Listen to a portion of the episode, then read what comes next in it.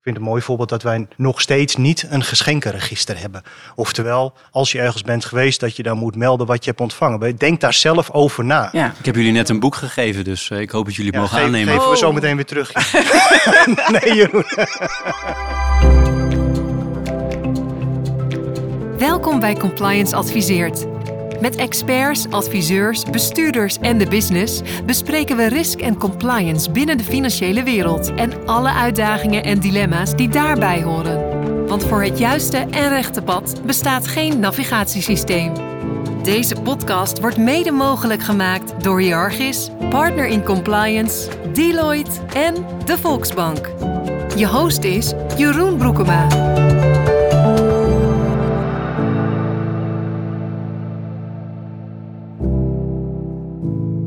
Welkom luisteraars bij een nieuwe aflevering van Compliance Adviseert, waar ik vandaag spreek met twee mensen van de Volksbank. Sterker nog, ik ben vandaag op locatie voor deze opname bij de Volksbank zelf. Dus alvast dank voor dat ik jullie introduceer dat ik hier mag zijn. Het onderwerp van deze aflevering is de maatschappelijke impact en de rol van de compliance officer.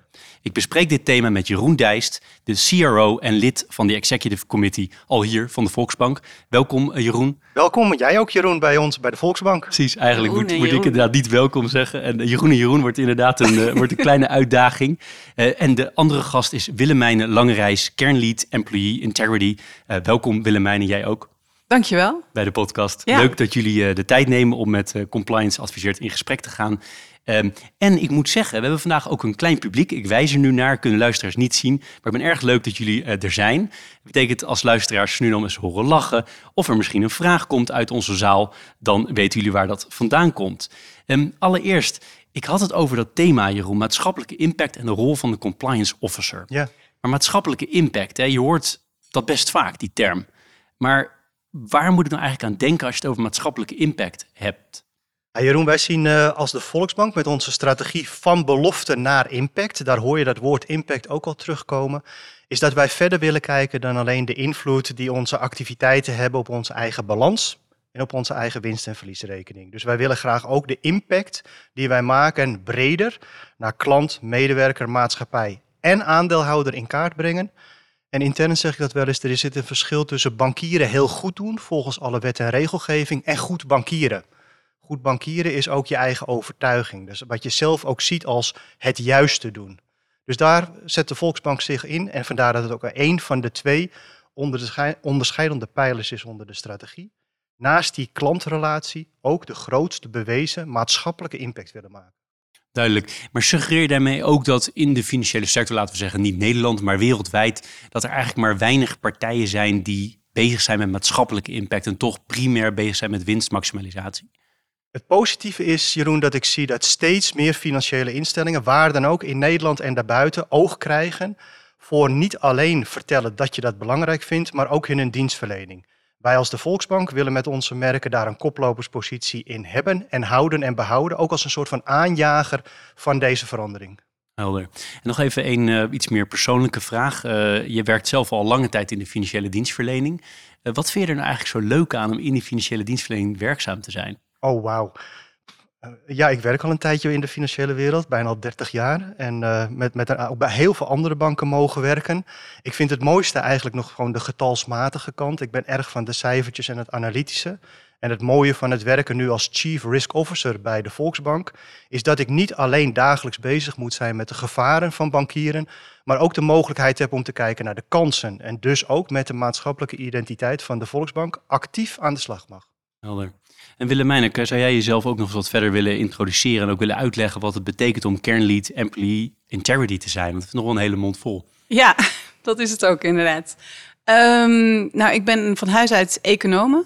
eh, dus economie gestudeerd. En eh, oh, ja, daarin wordt natuurlijk ook eh, aandacht besteed aan die cijfermatige en getallen. Maar eigenlijk wat ik het leukste eraan vond, was dat eigenlijk als je kijkt naar de economie, is het een ehm, som van gedrag. Een som van beslissingen die mensen maken. En dat is eigenlijk een uitkomst wat we dan, nou ja, hier dan binnen de Volksbank hebben. En eigenlijk de, de gedachte wat erachter zit, waardoor mensen die beslissingen of die keuzes maken, zodat dat zichtbare gedrag naar boven komt, vind ik interessant om te bekijken. Ehm, ik zit inderdaad bij compliance, dus ik kijk wat meer naar de gevaren, uh, zoals Jeroen dat nu net noemde. Uh, dus we kijken wel vanuit een risicoperspectief inderdaad naar gedrag. Dus wij hebben binnen het team ook pakken we incidenten op. Of uh, kijken we bijvoorbeeld naar ook hoe we de klokkenluidersregeling moeten herschrijven of interpreteren vanuit de nieuwe wet die net is gelanceerd.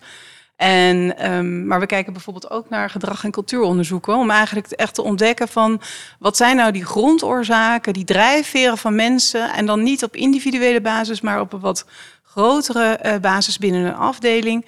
Wat zorgt ervoor dat mensen doen wat ze doen? Beetje lang antwoord. Nou, dat is een mooi, heel mooi antwoord. en ook even die nog die semi-persoonlijke vraag. Wat is er mooi in de financiële sector om daarin werkzaam te zijn? Ja, nou wat ik eigenlijk het allermooiste vind aan uh, het werken bij de Volksbank... is dat ik daadwerkelijk het idee heb dat ik uh, bijdraag aan maatschappelijk impact. Omdat een uh, financieel bedrijf, financiële instelling zoals de Volksbank... Um, die functie als poortwachter heeft uh, zorgt ook eigenlijk voor dat je heel veel kansen daarin kan hebben. En ik, um, ik hoop ook echt dat we dat meer gaan zien en ook exporteren, als ik het zo maar mag zeggen. Om echt ook inderdaad de maatschappij beter te maken. Want volgens mij is, is dat een van de belangrijkste rollen die we als bank hebben en die we moeten vervullen. Maar dat is wel heel erg vanuit compliance. Hè? Ja, want uh, jullie werken natuurlijk, de Volksbank is het, het overarching brandname. Maar daarnaast heb je natuurlijk die, of daaronder eigenlijk die vier merken die jullie voeren. Uh, zie je nou grote verschillen hoe men dat per merk oppakt? Want bij mij staat bijvoorbeeld ASN bekend als nou typisch een organisatie die hierbij zou passen. Maar misschien BLG Wonen of SNS of nou ja, de regiobank weer niet. Ik noem ze toch even alle vier op. Ja. Nee, heel goed dat je ze alle vier even opnoemt, Jeroen. Dat waardeer ik. En inderdaad, het moederbedrijf, de Volksbank, heeft die vier merken. En het meest prominent natuurlijk, als je het hebt over maatschappelijke impact, is dan vraag vaak de groene bank. En dan denkt iedereen ook aan ASN. Maar weet ook dat het duurzaamheidsbeleid dat ASN voert, is van toepassing op alle merken. Dus zelfs iemand die klant is bij SNS voldoet aan de minimale standaarden die ook ASN heeft rondom duurzaamheid. En elk van de merken richt zich op een bepaalde klantenportefeuille, die ook daar weer een maatschappelijk impact kan maken. Regiobank, je zal het misschien wel eens voorbij hebben horen komen, de buurtzame bank, die heel erg inspringt op de maatschappelijke impact van een leefbare buurt buiten de grote steden. Maken daar enorm veel vorderingen in. Of BLG Wonen, met woningtoegankelijkheid. Nou, ik kijk hier achter jou naar, uh, naar buiten toe in Utrecht. Er wordt nogal wat gebouwd en toch hebben we een enorm woningtekort. En BLG Wonen zet zich in voor een toegankelijke woningmarkt met onder andere een duurhuurpilot of een maatschappelijke verhuurhypotheek, een woondebat. En SNS richt zich juist weer op groeikansen. Heeft iedereen in Nederland wel dezelfde financiële groeikansen? En wat kunnen wij daaraan doen om mensen daar ook financieel weerbaar in te maken? Zo heeft elk merk een eigen thema en telt weer op tot de totale impact die we als de Volksbank daarin willen maken. Ik wil straks met jullie een aantal thema's langslopen die ook wel hier en daar soms wat schuren. Hè? Wat die dilemma's zou ik, bijna, zou ik bijna zeggen. Maar toch nog eerst nog even wat verder over die maatschappelijke impact. Is het nou fijn dat je één aandeelhouder hebt? Maakt het dat makkelijker dat je niet beursgenoteerd bent? Goh, ik denk, maakt dat wat uit, uh, Willemijnen? Mm, nee, soms vind ik het eigenlijk wel makkelijker. Ik ervaar vanuit de aandeelhouder, en dat heette voor ons zo netjes de NLFI, die de aandelen houdt namens het ministerie van Financiën, alleen maar een hele ondersteunende, faciliterende rol om een bijdrage te leveren aan de diversiteit in het Nederlandse bankenlandschap. En dus ook de aandeelhouder ondersteunt ook de Volksbank in haar niet beter, maar ook anders willen bankieren. Met voorbeelden als het openhouden van kantoren, de duurzaam met ASN en een aantal andere onderscheidende elementen die we in onze bedrijfsvoering hebben. En je zou misschien kunnen zeggen dat het, het soort aandeelhouder misschien nog niet eens dat verschil maakt, maar wel dat je natuurlijk helemaal aligned bent met je aandeelhouder, wat je wil. Want ik doe me even ook denken aan een gesprek wat ik had met Jos Baten, de CEO van ASR. En die zei, nou ik zou iedere uh, mijn woorden hoor, niet letterlijk gequote, maar ik zou ieder, ieder bedrijf het eigenlijk wel gunnen om een tijdje in handen van de staat geweest te zijn. Omdat je daardoor toch weer de andere dynamiek hebt en het toch meer het algemeen belang naar voren wordt gebracht. Zeker, ja. zeker Jeroen. En dat Precies. herken ik absoluut ook persoonlijk. Ja. Ik mag sinds 2008, sinds de financiële crisis, geen andere aandeelhouder meer kennen dan de Nederlandse staat. Bij zowel Fortis, ABN AMRO als nu als de Volksbank. En inderdaad ook het mogen bankieren volgens gedeelde waarden. Wij noemen dat dus het optimaliseren van de waarde voor klant, medewerker, maatschappij en aandeelhouder. Is toch echt wat anders dan het maximaliseren van één van die gedeelde waarden. En vaak is het dan natuurlijk ook de aandeelhouder die een financieel rendement leest, een maximaal dividend wil krijgen. Dat helpt op dit moment zeker ook de Volksbank om goed te willen bankieren en die maatschappelijke impact te kunnen maken. En zien jullie nou dat eh, als je eens een van die stakeholders eruit pakt, hè, de, de klant, zie jullie nou dat die klant ook altijd erop zit te wachten dat jullie bezig zijn met maatschappelijke impact? Of wil die bijvoorbeeld hypotheekklant gewoon de laagste rente hebben? Ik denk dat de klant en de maatschappij er zeker voor klaar is uh, dat een bank uh, zijn maatschappelijk impact ook zwaar laat meetellen. ik volgens mij identificeert de nieuwe generatie zich nog meer bijvoorbeeld met een merk. En kies je nog bewuster volgens mij voor een bank. En ik denk ook dat, daar de, dat wij daar inderdaad wel de vruchten van plukken. Interessant vind, hè? dit is de Compliance Adviseert podcast. Hè? Compliance staat hier, staat hier centraal wat ik altijd denk als, als ik aan compliance denk, is van, hebben we dat nou eigenlijk allemaal nodig? Hè? Kunnen we niet gewoon veel meer op basis van vertrouwen doen? En die vraag stel ik heel vaak en ik krijg altijd andere antwoorden. En ik vind het altijd weer interessant. Dus ik wil het ook aan jullie vragen van, hebben we nou eigenlijk, jullie hebben ook een hoop mensen die hier met compliance bezig zijn. En tegelijkertijd wil je ook bankieren met maatschappelijke impact. En dat gaat over vertrouwen, mijns inziens. Dus hoe, hoe gaan die twee? Ik heb het al aangekondigd, veel in dit gesprek gaat over mhm. dilemma's en dingen die natuurlijk niet zwart-wit zijn. Hoe kijken jullie ernaar? Nou, wat ik wel, ik las toevallig gisteren of vandaag uh, een artikel over een andere financiële instelling waar een derde van het personeelsbestand uh, op financial economic crime zat. Mijn gedachte ging eigenlijk dan met name wat erg dat de maatschappij zich zo genoodzaakt voelt om fraudeur of witwasser te willen worden. Want die regels die komen niet omdat wij het leuk vinden om regels te hebben, helemaal niet. Maar wij willen juist een mooier en een eerlijker Nederland creëren. En wat gebeurt er dan? Dan creëer je een regel. En moet je nagaan, ergens zit dus de maatschappij in een squeeze. Want mensen hebben de behoefte om te willen witwassen en frauderen. En daar moeten wij als bank tegen weren. Dus eh, ik zie eigenlijk vanuit dat perspectief ben ik daar wel een beetje negatief over. Ja, vanuit Financial Economic Crime kan ik het voorstellen. Jullie hebben sinds kort volgens mij ook iemand nu in, of krijgen iemand in de raad van bestuur hè, die specifiek hierop zit. Dus het geeft ook wel aan hoe belangrijk het onderwerp ook hier is. Hè, net als ja. binnen elke financiële instelling in Nederland. Dat is misschien economic crime is misschien nog wel heel duidelijk, hè, dat je daar heel hard zit. Maar er zitten ook heel veel andere onderwerpen waar je afvraagt, moet je alles wel checken? En moet er altijd een second line zijn? Is een hele goede, Jeroen. Ik, ik noem mezelf ook niet voor niks, niet alleen de chief gevarensofficer, maar ook de chief officer. Ik heb ooit eens geleerd, ik weet nog ineens of het waar is, dat in het Chinees risk ook twee karakters heeft. Hè, de gevaren en de kansenkant. Je merkt natuurlijk ook als bestuurder bij een bank, van in Europa dat natuurlijk de nadruk wat meer ligt op het voorkomen van de risico's en dus op de gevarenkant. Maar alle gevaren dichtzetten betekent ook geen kansen benutten.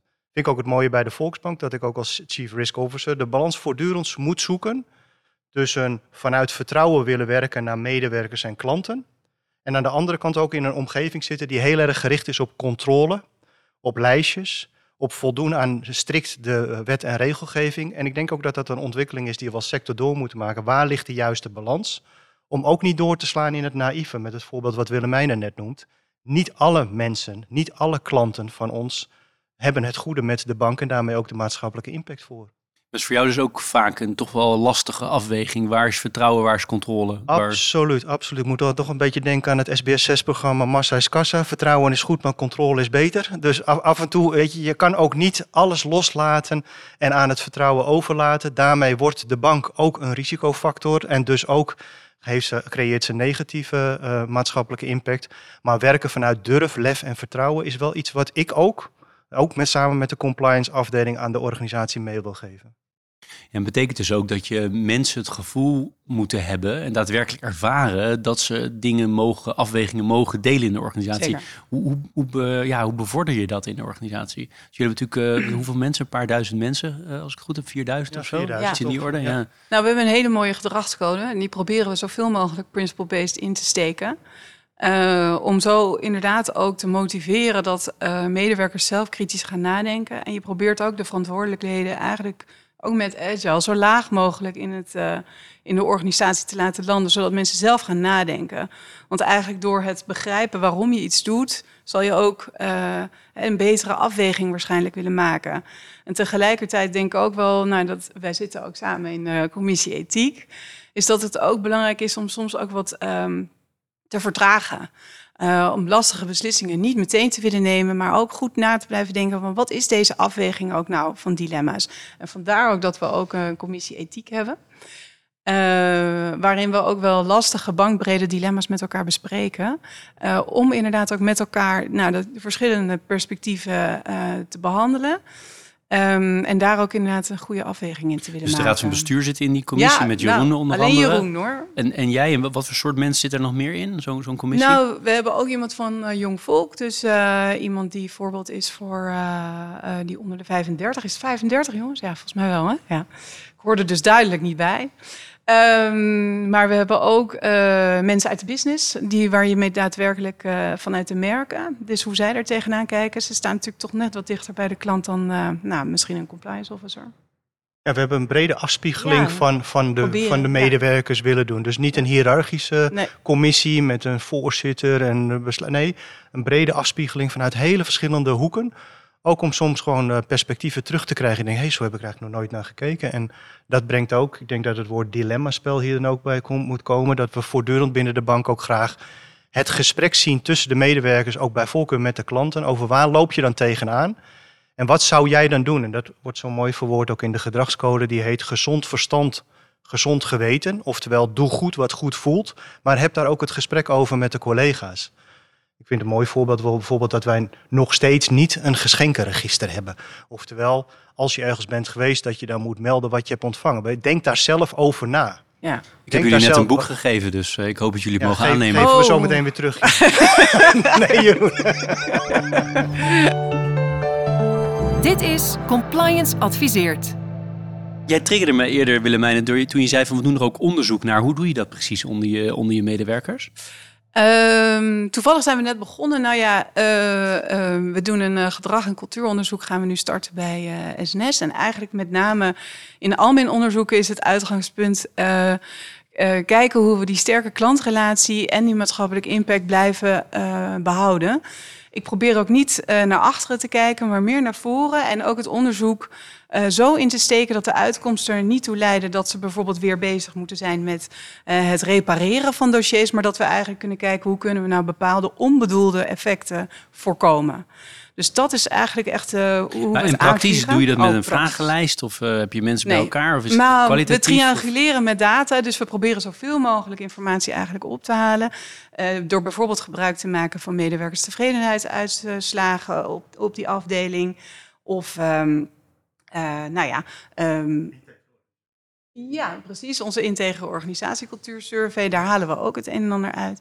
Maar wat eigenlijk het belangrijkste is, wat we doen, is uh, we houden interviews van een uur. Um, daaruit, uh, we maken een interviewprotocol van waar, uh, welke vragen willen we onszelf op richten. En we doen dat twee en twee. En niet met Jeroen, maar uh, nou, met z'n tweeën uh, interviewen we iemand anders. En één is in de lead en de ander uh, notuleert om zo heel goed in ieder geval bij het gesprek te kunnen blijven. Um, wat er, het is anoniem, dat halen we op. We halen eigenlijk de rode draad eruit. Dus wat horen we vaker? En dat proberen we dan ook te onderbouwen met die desktop survey die we doen. En die surveys die we hebben. En eventuele andere informatie die we van buiten hebben afgekregen. Dat bij elkaar zorgt eigenlijk voor uh, een resultaat wat we terugkoppelen dan aan, uh, nou ja, aan het management. Ja, het management, wordt dit op jouw niveau, Jeroen, op de raad van bestuurniveau besproken dan? Ja. Ja, de, zowel de uitkomsten van de verschillende surveys die we hebben als dilemma's die erin spelen. We hebben standaard ook als de raad van bestuur of executive committee bij elkaar komt een eerste kwartiertje om een dilemma ook voor te leggen of voor te laten leggen. Mag uit de hele organisatie komen. Is niet bedoeld meteen om over te besluiten en te analyseren, maar waar loop je tegenaan? Welke dilemma's spelen er? En hoe kunnen we daar eventueel een guidance in geven of welke afwegingen spelen daarbij een rol? Eigenlijk wordt er elke week gebruik van gemaakt. En dat mooie in aanvulling wat uh, net ook zei, is dat het melden van incidenten binnen onze bank heeft ook een vlucht gekregen dat we daarvan willen leren en profiteren. Dus niet alleen maar, oh er is een incident, wie gaat er nu met een beschuldigende vinger naar mij kijken? Maar de afdeling compliance helpt dan vervolgens dat als er ergens iets heeft plaatsgevonden, heeft dat misschien ook zijn invloed elders in de organisatie. Want het is vaak niet het gedrag van de mensen die iets bewerkstelligt, maar ook de context waarin zij werken, of de kaders of de beperkingen. Dus wat bijvoorbeeld bij een regiobankadviseur van toepassing is, kan misschien ook helpen elders in de organisatie. Dus daar leren we enorm veel van. Dus dat uh, vind ik een hele mooie, ja, uh, we noemen het altijd plan, do, check, act uh, routine. Ja, Mooi. En wat ik ook mooi vond is dat je aan het begin uh, kort refereerde aan dat je een kwartiertje hebt bij uh, executive committee uh, meetings waar je zo'n dilemma bespreekt. Zou je er eentje, misschien staat hij ook op mijn lijstje, maar zou je er eentje van recent of van de afgelopen tijd naar boven willen halen? Ja, wij sturen natuurlijk ook als, als bank heel erg op KPI's, hè, Key Performance Indicators. En daar hebben we er nogal wat van. En gedurende de uitvoering van de strategie kom je dan tot de conclusie dat sommige KPI's ook met elkaar conflicteren. En op het gebied van maatschappelijke impact is dat bijvoorbeeld, wil je een duurzame bank zijn met alleen maar hypotheken die bewegen richting energielabel A? Of wil je ook de woningtoegankelijkheid voor mensen met een kleine beurs nog steeds mogelijk maken, die niet het geld hebben of de mogelijkheid hebben om te verduurzamen en dus eindigen in tochtige doorzoonwoningen? Nou, die KPI's kun je niet allebei behalen. Je kan niet en zeggen, we willen iedereen toegang geven tot de woningmarkt en een huis boven zijn hoofd. En tegelijkertijd ook iedereen bewegen naar energielabel A. Nou, dat soort dilemma, dilemma's komen bij de uitvoering van de strategie ook dan op de tafel van de EXCO, waarin we dan zeggen, ja, we kiezen nu voor dit of dat. Of we accepteren dat je hier continu de balans in moet maken. En wat levert ook dus de meeste maatschappelijke waarde op. En zie je dan veel discussie? Heel veel discussie. Heel veel discussie ook omdat iedereen vanuit zijn eigen perspectief of vanuit zijn eigen achtergrond tot met zijn eigen individuele belangen natuurlijk de schuring moet opzoeken. Dus het is niet alleen maar een vrolijk gesprek, het is ook een gesprek met wrijving. Maar goed, zonder wrijving geen glans. En het levert ook gewoon duidelijkheid op naar de organisatie in het waarom van de keuzes die worden gemaakt en welke afwegingen daaraan ten grondslag lagen. Ja, en ik kan me ook wel voorstellen bij zo'n, wat overigens een heel interessant voorbeeld is, hè, duurzame hypotheek versus uh, toegankelijkheid, dat er ook wel dingen zijn waar je elkaar kan vinden. Bijvoorbeeld korting geven als mensen sneller verduurzamen of daar, hè, zodat het misschien toegankelijkheid niet in het geding komt, maar je wel iets bijdraagt aan die, aan die onderkant als het gaat om duurzame woningen. Klopt, we doen het ook, uh, Willemijn, altijd, uh, we willen maatschappelijke impact maken via drie invalshoeken. Dat is de verantwoorde producten en diensten. Recent ook met de lancering van de bespaarhypotheek, waarin precies Jeroen wat jij hier aangeeft in het product is ingebouwd. We willen het ook doen als onderdeel van het ecosysteem, want wie zijn wij nu? Wij zijn ook maar een bank, dus we hebben gewoon de hulp nodig van vele bedrijven en organisaties die dit al doen. Veel beter zijn, maar daar willen we ons mee verbinden. En de laatste is, en die vind ik eigenlijk nog het meest spannende, we willen ook een systeemveranderaar zijn. Dus niet alleen het bestaande systeem optimaliseren, maar als het bijvoorbeeld gaat over de woningmarkt, ja, blijven we dit doen door steeds meer huizen van beton en staal te blijven bouwen onder NAP? Of hebben we daar misschien ook nog een bepaald idee bij dat dat ook maatschappelijker verantwoorden kan? Geen gebrek aan ambitie, hè? Eh, ecosysteemverandering en daarbovenop nog even systeemverandering. Uh, onze ambitie gaat verder dan alleen wat ik net zei, het optimaliseren van waar we zelf invloed op hebben. Maar we zien ook graag, als het mijn droom zou zijn, dat straks de hele financiële sector, maar ook alle andere bedrijven, als dat maakt dat onze ambitie overbodig is geworden omdat iedereen dat kopieert, dan denk ik dat we ook voor de Nederlandse samenleving en voor de maatschappij in de wereld wel een mooie stap voorwaarts hebben gezet. Mooi. We willen met jullie hebben over uh, wet en regelgeving en hoe dat wel of niet bijdraagt aan, aan deze mooie opsomming die je net gaf van product, ecosysteem en überhaupt systeemverandering. Zit wet en regelgeving, het is een hele algemene vraag, maar zit het eigenlijk op jullie lijn, de kant die jullie op willen? Of um, draagt het alleen maar bij of zit het soms ook in de weg? Uh, nou, als je kijkt bijvoorbeeld naar ESG-wetgeving, denk ik dat het een mooie level of playing field geeft eigenlijk van alle banken. Hè? Dus uh, we gaan met elkaar allemaal beter rapporteren. Uh, of in ieder geval een betere kant op wat betreft environmental social governance. Alleen um, tegelijkertijd moet je inderdaad dan wel als bank ook je ambities bijstellen. Want iedereen heeft op een gegeven moment dezezelfde level of playing field. Dus wat dat betreft ben ik het helemaal eens met Jeroen. Laten we vooral verder kijken dan die wetgeving en daar, uh, daarin die kansen zien. Dus, ja, en als we dus, dan toch iets meer laten schuren nog. Hè, je, je haalde eerder al die financial economic crime aan. Daarbij hoor ik vaak bankiers, vooral off the record, zeggen van ja, heel goed die wet en regelgeving. De WWFT is niet een hele uitgebreide wet. Je kan vrij snel doorlezen, maar er komt ongelooflijk veel achterweg.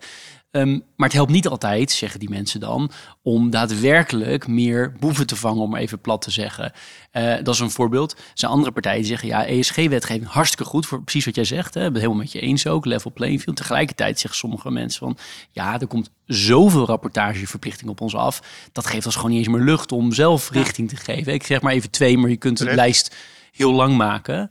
En nou, kijken jullie nu allebei tegelijk aan, dat is gevaarlijk. Terecht Jeroen, en ik, het is voor mij als CRO natuurlijk en bestuurder van een bank altijd een beetje een tricky balans om hier echt uitspraken over te doen. Maar ik ervaar dat de wet en regelgeving vaak um, de ambitie van de bank in de weg zit.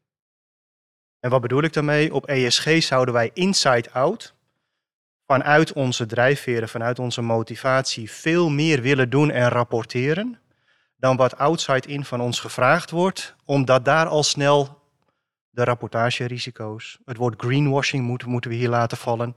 Dus er ontstaat een soort van bangigheid of angst om datgene wat je graag wil ambiëren, om daar toch maar terughoudend in te zijn, niet te doen. En ik vind het heel stoer van de Volksbank dat we daarin zeggen, nee, we gaan daar toch in door. Ook al kan het straks nog een hoop discussie opleveren. Ik pak er maar eentje uit. Een indicator die banken moeten gaan rapporteren is de Green Asset Ratio. Hoe groen is jouw balans? Hoe groen zijn jouw leningen nou eigenlijk? Ik weet nu al dat we zullen moeten uitleggen waarom die van ons zo laag is. Maar gaan we daarmee dus stoppen met het rapporteren of eromheen draaien? Nee, we moeten uitleggen dat wij ook hypotheken, woningen blijven financieren aan mensen die nog geen energielabel A hebben, nog niet in een duurzaam. Omdat we, zoals net gezegd, die afweging maken ook tussen woningtoegankelijkheid. Op sommige andere onderwerpen, Jeroen en Willemijn, ben ik ook heel eerlijk, zou ik verwachten dat de wetgever meer wet en regelgeving gaat introduceren. Om juist. Waar denk je aan? Nou, ik denk met name ook aan de hele klimaattransitie. Het zou banken echt helpen, en dus ook de Volksbank in onze missie, als er duidelijker, uh, noem het maar, een discount komt op bruine financiering. En, of zeggen ze dat een premium. En aan de andere kant een premium op groene investeringen. Dat helpt echt. Hoeveel eigen vermogen je moet aanhouden Hoeveel voor bijvoorbeeld? eigen vermogen, kap, kapitaal, verlichting, versparing. Om daarmee die klimaattransitie te versnellen. Nu werken we op basis van een systeem van gisteren, vorige maand en vorig jaar. Maar wordt wel geacht om de toekomst daarin duurzamer te maken. Dat helpt echt niet. Ja, mooi, mooi voorbeeld. Schiet er nog meer voorbeelden te binnen bij jullie? Want dit vind ik wel, dit, dit, dan leeft het echt. Zo'n onderwerp, zo'n hele algemene vraag van mij met hele concrete voorbeelden. Dat maakt het heel uh, tastbaar. Nou, als ik kijk naar de regels die we hebben natuurlijk rondom uh, klantintegriteit, of, uh, dan denk ik, aangezien het zo klein is, ja, ik, mijn zoon is toevallig net naar de middelbare school. En die middelbare school zit aan het Oosterpark. En dan, dan werd mij serieus gewaarschuwd: zeg tegen je zoon dat hij niet een pakketje van A naar B moet brengen. Dus het is eigenlijk zo'n kleine schaal en het is zo in your face. Ik weet ook buurten in Amsterdam op te noemen waarvan ik zeker weet, nou dat klopt niet. en als het eigenlijk al zo klein is, denk ik dat het alleen maar logisch is dat we die regels hebben en dat die geïntroduceerd zijn en dat we ons daaraan moeten houden. Tegelijkertijd eh, ben ik ook wel, ja, eh, schrik ik er ook wel van dat we er zo dat er inderdaad zoveel regels op moeten komen om dat tegen te houden, hè, die proeven.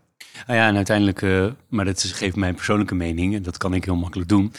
Als het effectief is, dan zijn het natuurlijk hele goede regels. Als het daadwerkelijk uh, financial economic crime aanpakt, dan ja. is het hartstikke goed.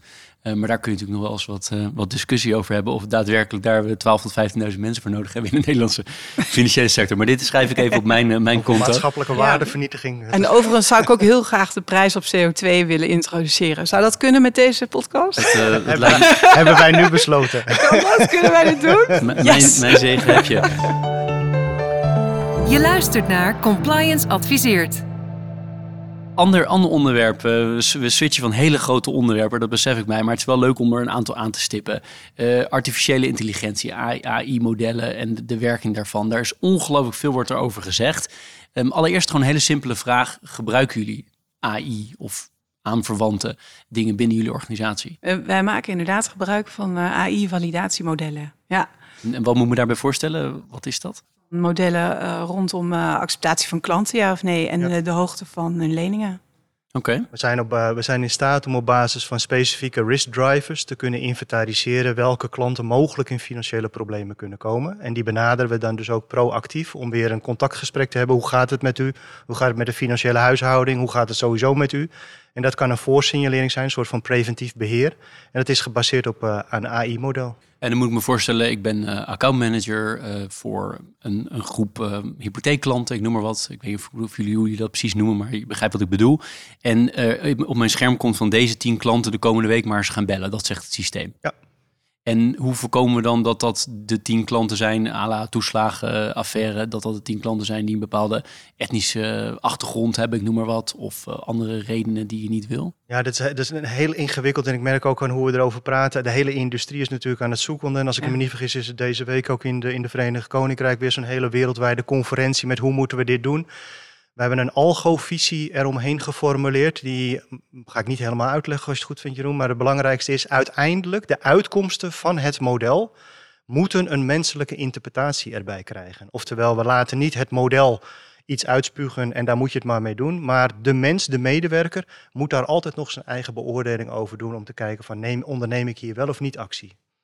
Maar blijkbaar werkt het dus wel, het model. Want jullie hebben het al even, gok ik. We hebben het al een tijdje. En blijkbaar werkt het wel. Het werkt preventief. Je kunt het gesprek vroegtijdig aangaan met iemand die in de problemen aan het komen is. Is natuurlijk heel veel waard. Voor, voor ons natuurlijk, maar ik denk nog meer voor de klant is het belangrijk dat wij zo snel mogelijk ook contact hebben met een klant die mogelijk in financiële problemen komt. Hoe werkt het ook als je een hypotheek hebt of je hebt een ander product? Je gaat eerst besparen op alle andere uitgaven. Je ligt eerst wekenlang wakker van de problemen en de schulden die je aan het creëren bent. En pas als allerlaatste stop je met het betalen bijvoorbeeld van rente op je consumptief krediet of je hypotheek. Maar dan is eigenlijk het leed al geleden. Dus hoe eerder we daarbij de klant ook kunnen helpen en dus ook met maatregelen kunnen komen om de financiële huishouding weer op orde te brengen, is ook in het belang van de klant. Met name in het belang van de klant, lijkt mij. En zeker ook het gevoel van schaamte voor klanten, zeg maar, om in financiële uh, distress te komen, dat is echt verschrikkelijk. Dus als we daar een rol in kunnen spelen om dat uh, te kunnen voorkomen, denk ik dat we onze rol goed hebben gepakt. Je opent de deur natuurlijk om iets te zeggen over onze onderscheidende manier waarop we ook met klanten in achterstand overgaan. Want ik, denk, nee, ik denk dat het serieus Hier breng je bijvoorbeeld ons Eurowijs-programma, waarin wij als medewerkers uitgenodigd worden om ook les te geven op basisscholen en tegenwoordig ook middelbare scholen over hoe ga je om met geld. Ja. En wat liggen daar voor gevaren om de hoek? Recent ook met het lanceren van Ouderwijs. Ouderen ook op weg helpen van hoe ga je eigenlijk met je kinderen om met, met geld, zakgeld. Tot en met dat wij geen incassobureaus gebruiken, maar als klanten in achterstand komen, zelf nog steeds contact blijven opnemen. En dus ook zelf die relatie met de klant in goede, maar ook in slechte tijden willen blijven onderhouden. Ja, want relaties met klanten, hè, de, de, kwantitatieve kant, hè, dus niet die ondersteunende AI-kant, maar die, die echt dat gesprek aangaan met klanten vinden jullie heel belangrijk. En dat is eigenlijk lijkt het een beetje een tegengestelde beweging te zijn, hè, waarbij alle andere banken kantoren aan het sluiten zijn, blijven jullie lokaal uh, aanwezig. Dat is bewuste strategie. Maar zie je nou ook in de toekomst daar wel hel in als, als de tech kan nog verder doorzet? Moet je dan steeds overal lokaal aanwezig zijn? Dat zal de toekomst uitwijzen, Jeroen. Maar nu zeggen we um, in de strategie staat bankieren met de menselijke maat. En dus bieden wij aan alle klanten de mogelijkheden om contact te hebben met de bank die hen het beste past. Ik woon zelf in Purmerend. Ik vind het toch altijd fijn om op het lokale uh, winkelcentrum de SNS te hebben, waar ik ook klant ben. En af en toe even binnen te kunnen lopen om het laatste nieuws te horen of toch een vraag te stellen. Ik weet, ik kan het ook via de app doen. En dat zou mij ook helpen. Maar dat is voor mij minder menselijk contact dan ook te weten en te zien wie mijn geld ook beheert bij SNS. En merk je dat bepaalde klantgroepen daar veel meer behoefte hebben dan andere? Ja, absoluut. En het gekke is natuurlijk, je denkt automatisch dat het de wat oudere mensen zijn die wat minder digitaal onderlegd zijn, die daar behoefte aan hebben. Maar dat blijkt helemaal niet het geval te zijn. Nee, zou ik jezelf ook niet willen plaatsen. dank u. dank u. Nee, het blijkt dus heel, heel verschillend te zijn tot en met ook de leefbaarheid in de buurt. Dus ook de kleine dorpen waar een regiobank aanwezig is, zie je dat de klanten van verschillende gezinssamenstellingen, verschillende leeftijden tot aan jongeren aan toe, juist liever een bekend gezicht hebben en we hadden het net over vertrouwen, dat je ook het gezicht kent en die vertrouwt, als dat het een anoniem iets is. En daarentegen blijft die beweging van digitalisering ook doorgaan en blijven wij dus ook investeren om ook digitaal steeds beter toegankelijk te zijn. Ja, ja. Toen me ook denken, ik interviewde laatst de, de hoofd uh, private banking van, van ABN AMRO. En zij gaf ook aan dat juist het eerste contact is dan een klantgroep die jullie niet, niet zoveel bedienen. Hè? De, de, de tientallen miljoenen klanten. zelfs uh, helemaal niet. Of helemaal niet zelfs. Um, zal er vast wel eentje zijn die ook rekening hier heeft. Uh, of wel meer, denk ik. Maar uh, die zei van vaak het eerste gesprek. Gewoon één op één, in persoon. Dat vinden nog steeds heel veel mensen heel belangrijk. Maar daarna kunnen we heel veel digitaal doen. Ik denk ook ergens dat we door die winkels, ik wil toch even teruggrijpen ook naar die winkel, dat, dat je daardoor misschien ook nog wel meer, veel meer financiële weerbaarheid creëert omdat veel, als mensen de winkel in kunnen en zomaar even een vraag kunnen stellen. Want er zijn nogal wat gebeurtenissen in je leven wat natuurlijk impact kan hebben op nou ja, de uitkomst van je maandkosten uh, en opbrengsten. Uh, noem een uh, tweede, derde, vierde, vijfde kind, een scheiding of het verlies van een partner. Er zijn zoveel momenten eigenlijk binnen je leven waarin je misschien wel hulp kan gebruiken van ga ik dit redden? Gaat dit me lukken? Uh, en ik zou dit wel eens even met iemand willen overleggen. Uh, dat, dat wellicht ook zo'n winkel wel nog er veel beter ervoor zorgt dat mensen ook daadwerkelijk financieel weerbaarder blijven. Jullie hebben een enorme hoeveelheid klanten. Ik weet niet, ik heb niet het precieze aantal opgezocht. 3,3 miljoen. 3,3 miljoen. Waar het heel erg leeft op dit moment in de samenleving. En uh, we hadden het even in het voorgesprek over. En het was een onderwerp waarvan jullie zeiden, nou, dat willen we best bespreken. Uh, is die spaarrente. Iedereen die uh, op elk niveau, of het nou hele hoog opgeleide mensen zijn of mensen in achterstandswijken, heel veel mensen willen graag meer spaarrente. Nou, jullie zeggen van we zijn voor alle, voor alle stakeholders zijn we er. Dus de klant is misschien wel een van de allerbelangrijkste stakeholders. wordt het niet tijd om die spaarrentes flink omhoog te gooien dan?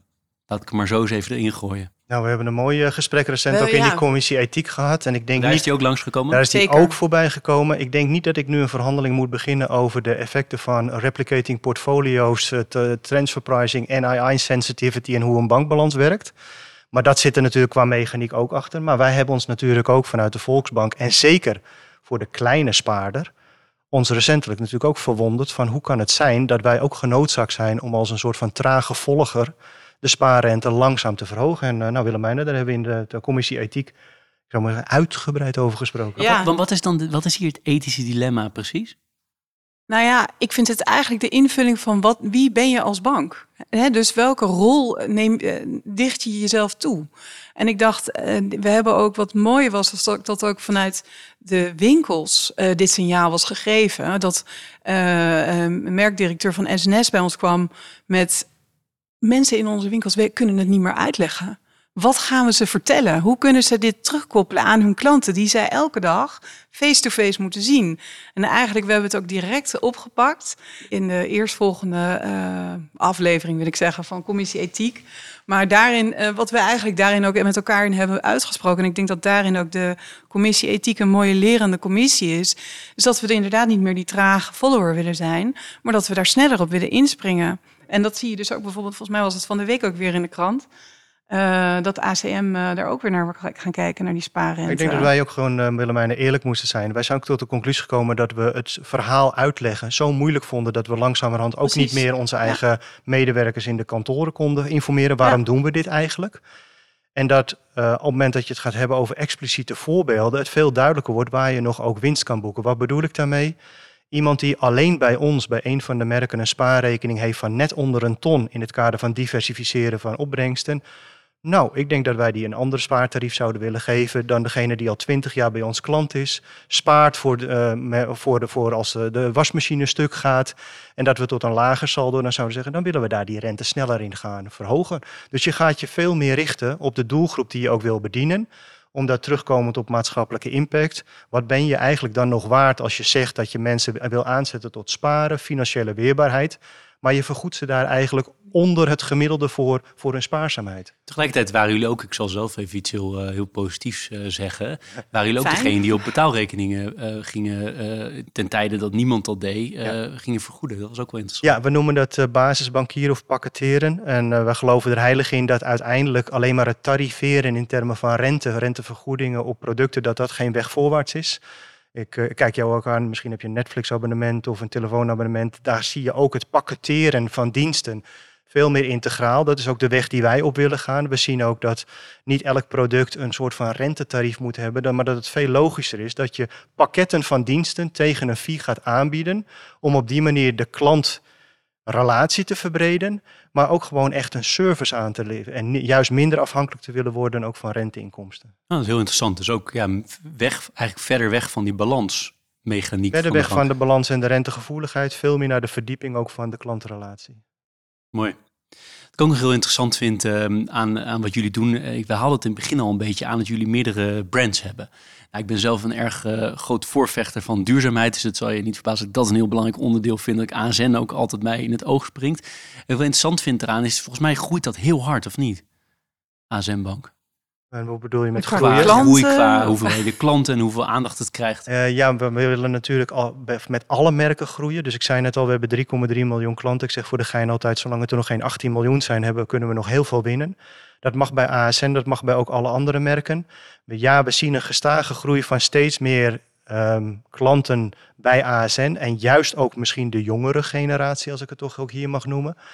Uh, het gaat ons niet om de hoeveelheid klanten, want ook hier we willen graag dat klanten meerdere producten kunnen afnemen, ook bij verschillende merken.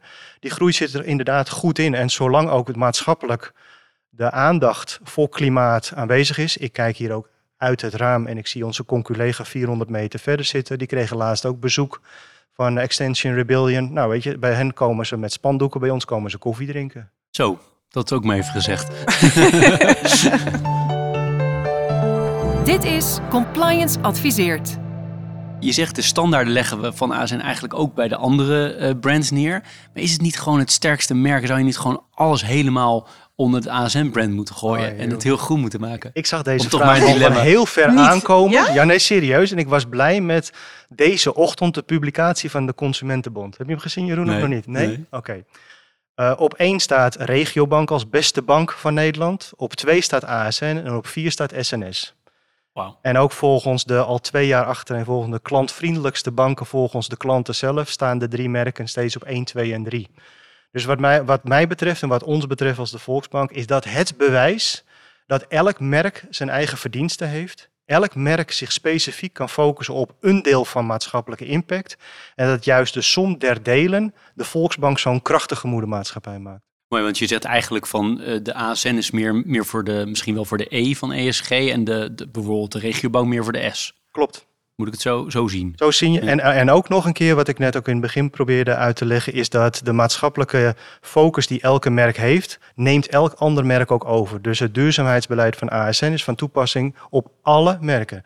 Dus ook al is het misschien nog nu niet zo bekend, maar als je als SNS-klant bij SNS belegt, kan je dat niet doen in niet-groene fondsen. Wil je nog iets toevoegen, Willemijn? Of, uh... Nou, de SNS eh, zit ook natuurlijk op de S. Dus het mooiste is inderdaad de som van al die merken die bij elkaar komt.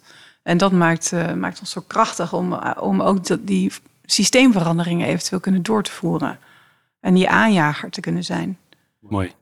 Ik werk richting het einde toe, maar ik heb nog een paar dingen op mijn lijstje staan. Ik kijk sowieso even naar de mensen in het publiek. Als er vragen zijn, dan hoor ik die heel erg graag. Ik wacht even af en ondertussen praat ik verder. Het andere punt is, je hebt het over die stakeholders gehad. Je vindt het heel belangrijk dat alle stakeholders geïnvolveerd zijn. Dat iedereen, uh, dat alle belangen in ieder geval op zijn minst afgewogen worden. Ik niet zeggen dat iedereen altijd krijgt wat hij wil. Kan me zo voorstellen. Maar wat vinden die stakeholders eigenlijk van jullie? En hoe doen jullie onderzoek naar wat jullie stakeholders vinden? Dus jullie medewerkers, jullie klanten, de overheid, de toezichthouder. Wat, wat, wat vinden ze er allemaal van? Ja, ze vinden er heel veel van natuurlijk. Hè? Dus, uh, maar we, hebben een, uh, we kijken ook van outside in en inside out naar onszelf en naar de buitenwereld en de buitenwereld naar, naar de Volksbank. Dat brengen we eigenlijk in kaart uh, via de dubbele materialiteitsmatrix. En daarin weten we eigenlijk ook al heel goed nou, of we op de goede weg zitten. Het is eigenlijk meer een toetsing.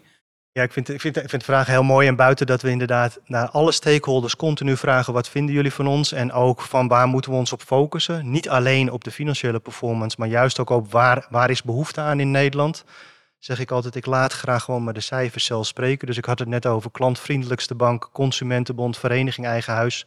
Maar ook de Eerlijke Bankwijzer. Ik bedoel, ik uh, pak hem er altijd maar even bij. En dan denk ik: nou ja, oké. Dat is wat een ander van ons vindt. Dus die incasseer ik graag. Ik kijk ook graag naar investeerders met allerlei ESG-ratings over hoe zij ons plotten in het financiële landschap. En ik mag daar steeds uit concluderen dat we in de top 3, top 5 zitten van heel Europa. Dus wat dat betreft. De medewerkertevredenheid? Medewerkers, ja, ja, super bevlogen. Nou, daar we ook lekker op. Ja. Nee, we hebben al hele mooie. Um, heel veel volksbankers, dus mensen die bij ons werken, die, die zijn ontzettend bevlogen om hier uh, voor deze bank te werken. En ik denk ook, uh, ik heb ook ervaring buiten deze bank. Uh, de medewerkers kiezen ook echt daadwerkelijk voor de Volksbank. omdat ze daar ook volgens mij veel meer purpose-driven kunnen werken. En het gevoel hebben dat ze ook inderdaad veel meer bijdragen aan de maatschappij. Um, ik heb echt wel regelmatig horen voorbij zien, horen komen in interviews. Ik wilde eigenlijk niet meer in de financiële dienstverlening werken, maar voor de Volksbank maak ik een uitzondering. Ja, kijk, kijk maar naar compliance zelf, moet ik eigenlijk zeggen. Welke jonge, ambitieuze medewerkers jullie aantrekken ja. op het compliance vakgebied, die dan eigenlijk allemaal aangeven: ik kom hier juist hier werken vanwege de missie. Precies. Ja. En eh, ja, dat, dat resoneert enorm en dat komt ook terug in de medewerkerstevredenheidsonderzoeken. Dus daar mogen we best een beetje trots op zijn, ja. Leuk. Ik zie uit de zaal volgens mij geen vragen, maar ik check nog één keer of uh, we hebben heel veel interessante dingen besproken of of iets anders. Maar dat, ik ga maar even van het eerste uit. Mijn laatste vraag zou zijn, uh, het klinkt alsof dat jullie best, uh, nou, best tevreden zijn over hoe het gaat. Hè? Je weet de mensen aan te trekken, de stakeholders zijn allemaal vrij blij. Uh, is er nog wat te wensen? Blijft er nog wat te wensen over? Van je zegt, nou, dat zou ik wel echt graag nog de komende tijd verder aanpakken op het gebied van het centraal stellen van een bepaald maatschappelijk uh, onderwerp. Of een bepaalde tevredenheid van een bepaalde stakeholder verder verbeteren. Ik doe maar wat suggesties zodat jullie ondertussen kunnen nadenken. Maar wat zijn er, is er nog te, te, te wensen wat jullie betreft? Wat zouden jullie graag nog anders willen? Ik zou nog meer binnen de Volksbank willen. het bespreken van dilemma's. ook inderdaad die vertraging opzoeken. Uh, die afweging maken, uh, te werken aan lastige dilemma's en dat met elkaar beter te bespreken. Uh, als ik dat vanuit mijn eigen perspectief mag bespreken, ja, mag, dan zou ik dat heel graag wensen voor, voor de Volksbank. Ja, ik voeg er nog iets de Volksbank overstijgends aan toe, Jeroen, als dat mag. Net als dat ik net zei dat de vier merken bij elkaar opgeteld meer opleveren voor de Volksbank zou ik graag nog meer zien dat de banken nog meer samen gaan werken. Op alle onderwerpen die vandaag ter sprake zijn gekomen, ervaar ik dat het toch eerst is eigen bank eerst. En daarna pas wat kunnen wij daar als sector nog in optimaliseren. Ik hoop dat we veel meer erkennen dat we afhankelijk zijn van elkaar, elkaar ook echt nodig hebben om die maatschappelijke impact, of het nou over duurzaamheid, ecologische, sociale vooruitgang gaat, de bijdrage, de verantwoordelijkheid die je hebt als bankier voor een betere toekomst en een leefbare samenleving, dat we die niet per instelling aan het optimaliseren zijn, maar over alle banken heen. En daarvoor zeg je, tenminste dat zeg je niet, maar dat zou ik aan toevoegen, is er denk ik ook nog wel wat nodig als het gaat om de privacy kant. Ik noem bijvoorbeeld een, een, een transactiemonitoring Nederland. Daar zit de privacy kant, maakt het lastig om op dat thema waar je elkaar denk ik niet zou moeten willen beconcurreren. Uh, op dat soort onderwerpen, ja, op de ACM in zijn algemeenheid, uh, op duurzaamheid misschien ook dat die wetgever slash die toezichtskant daarin wel ook dat mogelijk maakt dan. Absoluut Jeroen, er zijn een aantal, zeg ik altijd, bankdiensten waar je wel op moet concurreren, maar ook een aantal waar je dat zeker niet meer zou willen. En ja, op de producten, op de prijs enzovoorts, de dienstverlening moet je zeker een eigen onderscheidende positie hebben. Maar banken zijn ook voor een deel gas, water en licht van Nederland en de, en de aardbol daar moet je niet op willen concurreren. En dat gaat onder andere over de veiligheid in Nederland, zoals Willemijn en de collega's dat dagdagelijks ook doen. De boefjes te vangen, een veiligere samenleving van te maken. Het gaat niet alleen over de, de drugscriminelen ver weg. Het gaat ook gewoon over je eigen kind op een schoolplein die gevraagd wordt om pinpassen uit, uit, uit te lenen voor 50 euro. Daar moet je als bank niet op willen concurreren of moeten concurreren. Als je het dan hebt over maatschappelijk impact, denk ik dat we als banken dan inderdaad ook de maatschappij als eerste moeten neerzetten. En op die manier ook moeten kijken naar hoe kunnen we elkaar in het bankenlandschap verder helpen. Iemand die zei dat uh, toevallig tegen mij, vraag niet wat de maatschappij voor jou kan doen, maar wat jij voor de maatschappij ja, en ik denk dat we heel veel kunnen doen. Ja. Dat je nog eens een keer een, het is denk ik Republikeinse president die dat zei, eh, zou aanhalen. Dat had ik, had ik hier niet verwacht. maar goed, um, tot slot, we hebben het aan alle honderd en ik weet niet hoeveel het ondertussen zijn, 30, 40 gasten gevraagd. Maar heb je tips voor de compliance professional? Uh, mm, Jeroen, heb jij nog tips? Hallo. Oh, ik heb zoveel tips. Ik ben ook nog aan het nadenken. Heb ik tips voor de compliance? Um, nou, ik, ik, ik, kijk allereerst met gewoon uh, hashtag trots naar de compliance collega's die bij de Volksbank mogen werken. Omdat ik precies zie wat je te sprake bracht, Jeroen. Dat het niet alleen gaat vanuit wantrouwen en controle en lijstjes vinken. Maar het echt gericht is op het stimuleren van het eigen gesprek, de eigen verantwoordelijkheid. Uh, ik gun de compliance collega's dat ze ook uh, ondersteunend kunnen mogen zijn in wat dan heet de three lines binnen de bank, omdat je daarmee ook de bank in totaliteit verder brengt. En ik zie ook niet alleen nu, maar in de nabije toekomst toe dat de compliance officer zich steeds meer gaat ontwikkelen van politieagent naar vertrouwde wijkagent, als ik het zo mag noemen. Dus dat het ook gewoon een partner letterlijk in crime soms is, om niet alleen bankieren goed te doen, maar juist ook de richting te geven aan goed bankieren. Ja, en inderdaad ook de groei inderdaad op klantintegriteit. Maar ik zie ook echt een enorme groei naar gedrag en cultuuronderzoeken. En het aspect van gedrag, wat dat eigenlijk ook allemaal misschien nog wel meer meeweegt in, uh, in de keuzes en beslissingen die we nemen. En dat te door willen doorgronden, ook als compliance officer. Um, daar zie ik wel een, een, een, een mooie weg, zeg maar, die we nog kunnen bewandelen. Een mooie reis. Uh, en ik, nou, bij deze bied ik mezelf ook aan. Als mensen er nog eens wat meer over willen weten, mogen ze me altijd mogen benaderen. Mooie, mooie tips. Ik ga jullie heel hartelijk bedanken voor je tijd. Uh, ongelooflijk leuk om te horen dat aan de ene kant jullie, ja, jullie zijn trots op waar je, waar je werkt. Dat dragen jullie ook uit. Dat blijkt, hè? Ja. dat blijkt. En zijn jullie ook, ook heel open over. Maar je zijn ook heel open over de dingen die nou, misschien lastiger zijn. Uh, die om afwegingen vragen, die om inderdaad een commissie vraagt om dat soort dingen te bespreken. Ik denk heel leerzaam voor andere uh, mensen in de financiële sector en specifiek in de compliance hoek van die sector om over na te denken. Heel, heel erg leuk. Ook het publiek, veel dank dat jullie er waren. Maakt toch altijd weer leuker dan alleen met uh, mensen te spreken die ik, die ik interview. Ik heb zo meteen een klein bedankje voor jullie voor het feit dat jullie zoveel tijd in deze podcast gestoken hebben. Willemijne en Jeroen, heel erg veel dank daarvoor. Jeroen, jij heel veel bedankt. Ja, jij ook bedankt. Je luisterde naar Compliance Adviseert. Deze podcast werd mede mogelijk gemaakt door Hierarchis, Partner in Compliance, Deloitte en de Volksbank. Meer weten of een reactie achterlaten? Dat kan op onze LinkedIn. Als je ons daar volgt, ben je bovendien altijd op de hoogte van nieuwe afleveringen. Natuurlijk zijn we je zeer dankbaar als je een review achterlaat en meer mensen vertelt over deze podcast. Vergeet ook niet te kijken naar de andere podcasts op ons kanaal. Er zit vast iets tussen dat je aanspreekt. Bedankt voor het luisteren.